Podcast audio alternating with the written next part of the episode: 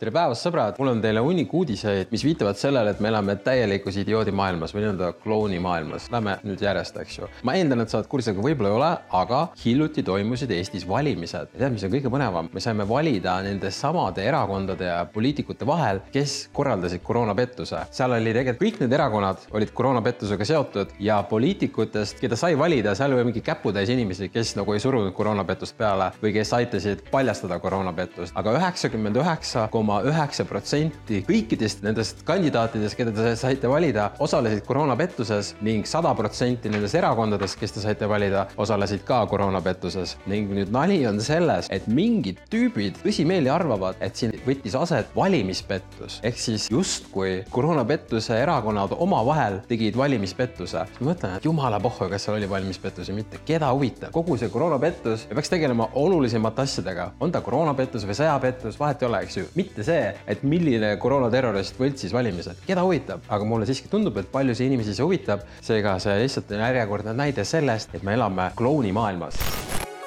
järgmine uudis, meil ilmus uus ajakiri.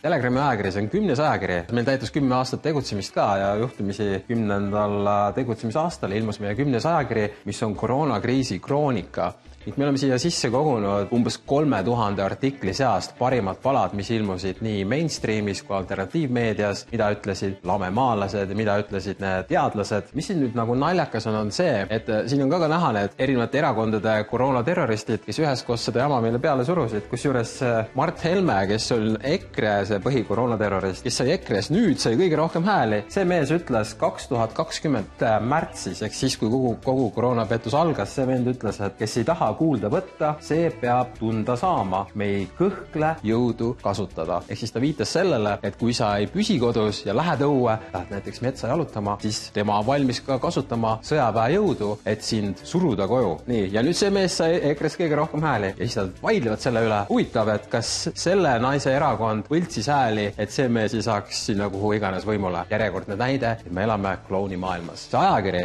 osta Telegrami lehelt või kaupluses Prismas on mingil Selveris sees on müügil, mõnes kohas on veel, vist oli Maxima, kõik poed ei võta, näiteks äh, Rimi vist ei võtnud, äh, R-kiosk ei võta ja no ühesõnaga mingid need bussid, nii ei tohi öelda vist. ühesõnaga kõik ei taha võtta, nad ei julge, mis sest, et siin on isegi alla kirjutatud, kuidas Telegram tühistati circa kolm aastat teemade eest, mida nüüd kajastavad ka Postimees ja Delfi. nojah, väga okei okay see on ka ülikõva uudis, et Saksa tervishoiuminister Saksamaal umbes üheksateist tuhat kakssada Covid süstide ohvrit. see on siis Karl Lauterbach, see on Saksamaa koroonaterrorist, tervishoiuminister umbes nagu Eestis oli see, kes meil oli see Üllar Lanno ja vaata see Maia-Arne Härma või kes iganes, pole oluline, ühesõnaga need Eesti koroonaterroristid, ta on nagu seesama tüüp, aga lihtsalt äh, Saksamaal, eks ju. nüüd see vend on see, kes kõik need aastad surus seda koroonat peale, ütles, sa pead vaktsineerima, sa pead kõik need asjad tegema, maskid ja kogu see jama. nii, nüüd avaldati Saksamaal niisugune raport, mille nimi on äh, Tervisekahjud ja õigusvaidlus, kuidas mõjutatud isikud võitlevad pärast koroonavaktsiini. ja sellest raportist siis selgus, et noh, peaaegu kakskümmend tuhat seda vigastatud inimest, laipades pole siin üldse isegi veel juttu, see veel eraldi teema, sellest räägime teinekord. siin on, ütleme, circa kakskümmend tuhat äh, seda vaktsiinikahjustust. tüüp ütleb, ma teadsin neid kahjustuste numbreid kogu aeg ja ta viitab, et tema hetkel on hakanud nagu Covid vaktsineerimises põhjustatud vaktsiinikahjustuste valgustajaks ja uurijaks. ehk siis seesama tüüp, kes kogu seda paska neile pähe müüs ja siis lõpuks ütleb, et tal on inimestest väga kahju. huvitav, kas need Karmen Jollerid ja nendel tüüpidel on ka kahju või? kas mingi hetk üldse nagu hakkad ütlema ka, kuule, et see, mis me tegime, oli nagu crap? ma arvan, et ei hakka ja ma arvan, et kõigil on täiesti pohhu ka veel no see on nüüd üks parimaid uudiseid üldse, ma ütleksin. Pentagon väldib Haagi tribunaliga koostöö tegemist Venemaa sõjakurjategude lahendamisel. ehk siis on olemas mingisugune Haagi tribunal, kes uurib sõjakurjategusid. nüüd see tribunal on pandud uurima Venemaa sõjakuritegusid Ukrainas, aga USA ei taha, et nad uuriksid seda, sellepärast et kui nad hakkaksid uurima, siis tuleks välja ka see, et USA korraldab sõjakuritegusid. noh, meil ei olnud seal teada ju vaata kõik see nine eleven ja Iraak, Iraan, Süüria, pluss siin võib-olla aga mingi gaasijuhe lasti õhku, eks ju. ehk siis nüüd see põhisõda, mis praegu käib, mille lippu teie peate kõik seal lehvitama, eks ju. põhiliitlane, Eesti kõige suurem sõber, USA, eks ju. tema ütleb, ärge uurige seda asja, see on klounimaailm või mis asi see on? Maskikohustusega riikidel ei läinud Covid-19 ajal paremini kui maskikohustuseta riikidel. avaldati suur metaanalüüs, mis põhines seitsmekümne kaheksal erineval randomiseeritud kontrollitud uuringul, millest kuus tehti koroonapettuse ajal, kaks neist Mehhikos, üks Taanist, üks Bangladeshis, Inglismaal, Norras ja veel mitmes kohas ning kokku osales seal üle kuuesaja tuhande inimese ning selle uuringu tulemused näitavad, maskidest polnud mitte mingit kasu. ehk siis täpselt seesama jutt, mida lamemaalased ütlesid kolm aastat tagasi, kõik need ajad, mille eest meid sõimati ja sa tead ka seda lugu, sa tead väga hästi seda lugu. nüüd, mis teeb naljakaks või selleks debiilseks kogu selle olukorra on see, et siin on maskiga tüdruk ka. kõik need inimesed, kellele need maskid ette suruti ja nüüd, kui tõde on välja tulnud, kõigil on täiesti pohhu. jumala pohhu, et mul oli kolm aastat mask ees nagu debiilik käisin ringi, eks ju. ma ei tohtinud minna poodi ilma, ilma orjamaskita, eks ju. no aga nüüd tuli välja, et kogu asi oli hoogs, kõigil täiesti pohhu järgmine väga hea uudis. massilised talunike protestid Haagis ja Brüsselis rohelise sundvõõrandamise vastu. ehk siis Hollandis ja Belgias on suured protestid sellepärast, et seal tahetakse talunikelt võeta maad ära, farmid tahetakse kinni panna ja seal on tuhanded traktorid protestivad. traktorist, noh, traktoritega ollakse tänavatel, eks ju. ja seda tehakse sellepärast,